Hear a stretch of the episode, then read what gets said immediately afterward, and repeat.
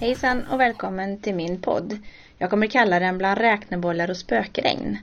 Det handlar om det första året med Karlstads naturskola för förskolan. Jag som pratar heter Nina Holm och jag har nu jobbat ett år som utomhuspedagog i Karlstad kommun.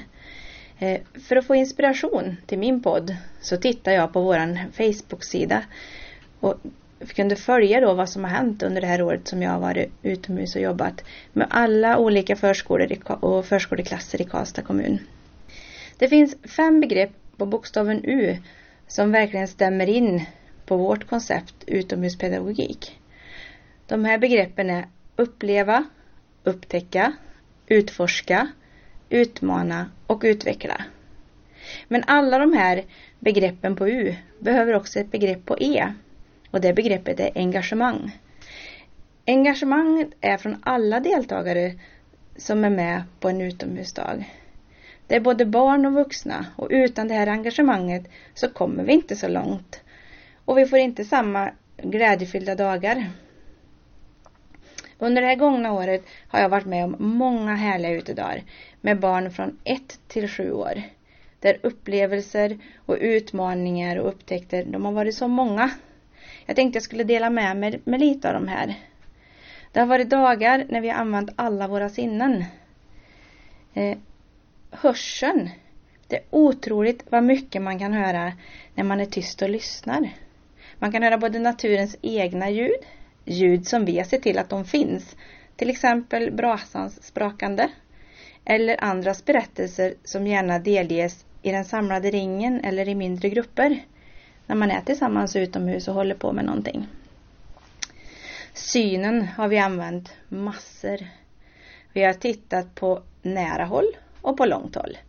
Vi har använt mikroskop och luppar för att verkligen kunna se i förstoring hur en växt ser ut. Hur, hur ser blommans blad ut? Och en kotte, hur ser den ut inuti? Vi har också tittat ut över landskapet. Ett barn i en förskoleklass var otroligt lycklig för att ha fått sett sitt livs första rådjur när det hoppade upp på stigen mitt framför oss.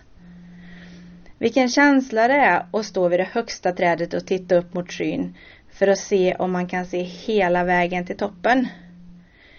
Eller man kan också bli väldigt förvånad och få en känsla när man är längre än ett träd fast man bara är tre år. Och har hittat ett träd som inte ens når lika högt som skaftet på ens stövlar. Ja, det är en sorts känsla. En annan sorts känsla är när man känner på barkens på olika träd hur känns de? Det kan också vara en känsla av att när man sträcker fram händerna mot elden och blir alldeles varm. Eller när man vågar hålla en trollsländelarv på handflatan och den kryper iväg. Hur känns det? Jag minns mycket med min lukt. Och jag kan riktigt känna hur det luktade när jag var liten och plockade solvarma smultron i stugan vid grusvägen på somrarna. Jag kan också se tillbaka på det här året och känna lukt av regn, sol, rök och skog. Jag kan komma ihåg lukten vid dammen när vi letar kryp i strandkanten. Jag ska avsluta våra sinnen med smaken. Och då tänker jag på mat. Mat som smakar som allra bäst när den är nylagad över öppen eld och ute i naturen när man är riktigt, riktigt hungrig. Ett av mina bästa smakminnen från det här året är egentligen inte mitt. Utan en treårig pojkes som låg på alla fyra i blåbärsriset och åt blåbären direkt från riset utan att ens plocka dem med händerna. Färskare blir det ju inte. Förutom alla dessa erfarenheter med våra sinnen så skulle jag prata om varför vi ska vara utomhus för att lära och vara. Det säger sig ju kanske självt att det är lättare att studera och få förståelse för vår omgivning när man befinner sig i den.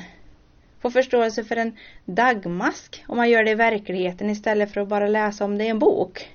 Om man som förskolebarn kan få upptäcka att maskens bajs faktiskt är jord och att vi behöver maskarna i våran värld. Forskningen säger att om barn vistas mycket utomhus så minskar deras stress och obalans medan barnens tålamod ökar. Det gör också självkänslan. Deras uppmärksamhet och deras förmåga att fokusera är också saker som blir bättre. Barnens mentala hälsa ökar, precis som den fysiska styrkan och deras motoriska färdigheter, både grov och finmotoriska. Samtidigt som de bygger upp sociala relationer. Att vara mycket utomhus, det lär också barnen att bli sunda risktagare. De lär sig att känna sina egna gränser och andras gränser och de får testa dem. Ibland får de till och med göra lite farliga saker som de tycker. Men man lär sig så länge man lever. Jag skulle vilja låna några ord från en kanadensisk skrift om naturskolor och den låter så här. Barn som kommer hit eh, kommer klädda för att lära. De kommer klädda för att bli lortiga, utforska, upptäcka och engagera sina sinnen.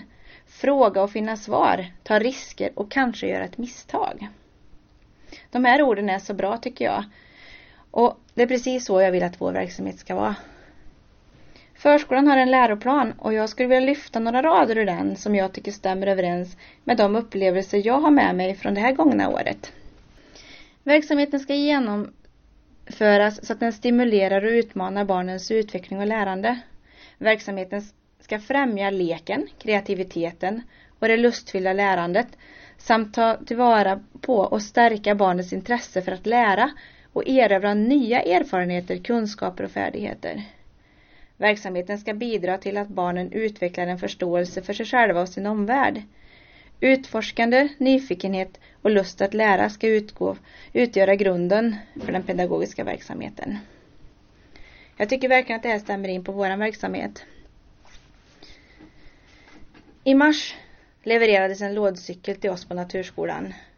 Och när terminen var slut så hade jag cyklat 394 kilometer mellan laboratoriet på Våxnäs, där vi har våran hemvist, och till olika förskolor och förskoleklasser i kommunen.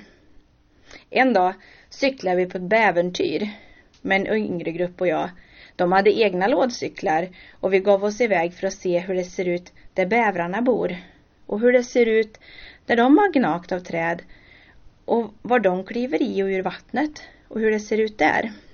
Det var en väldigt spännande cykeltur i vår närmiljö som visar på ett rikt djurliv i våra vattendrag. Det har varit fantastiskt att få ta del av barns första försök att tälja.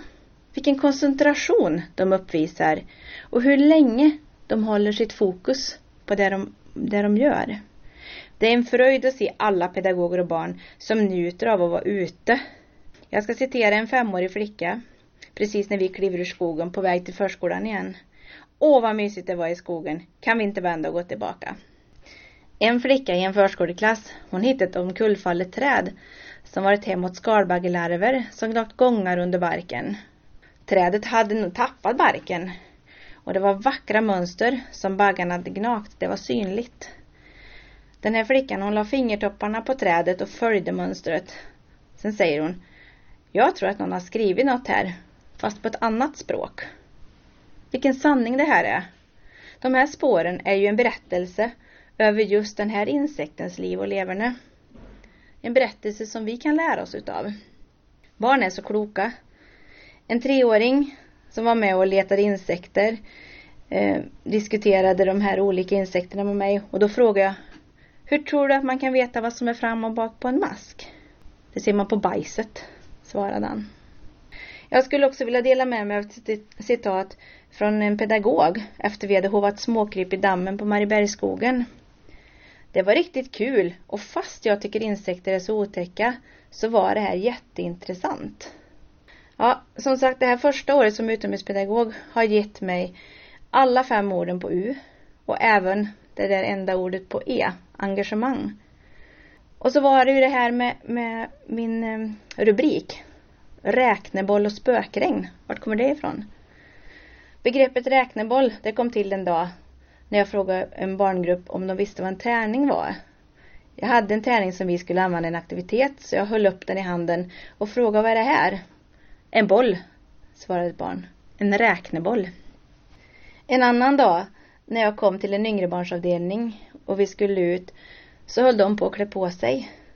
När jag kom in så var det ett barn som tittade ut genom dörren och sa hon Det är bäst jag sätter på mig min regnhatt för det är spökregn ute. Det är ju som ordspråket säger, det finns inget dåligt väder, det finns bara dåliga kläder. Med de här orden så skulle jag vilja tacka för mig och hoppas att vi ses där ute i skogen. Hejdå!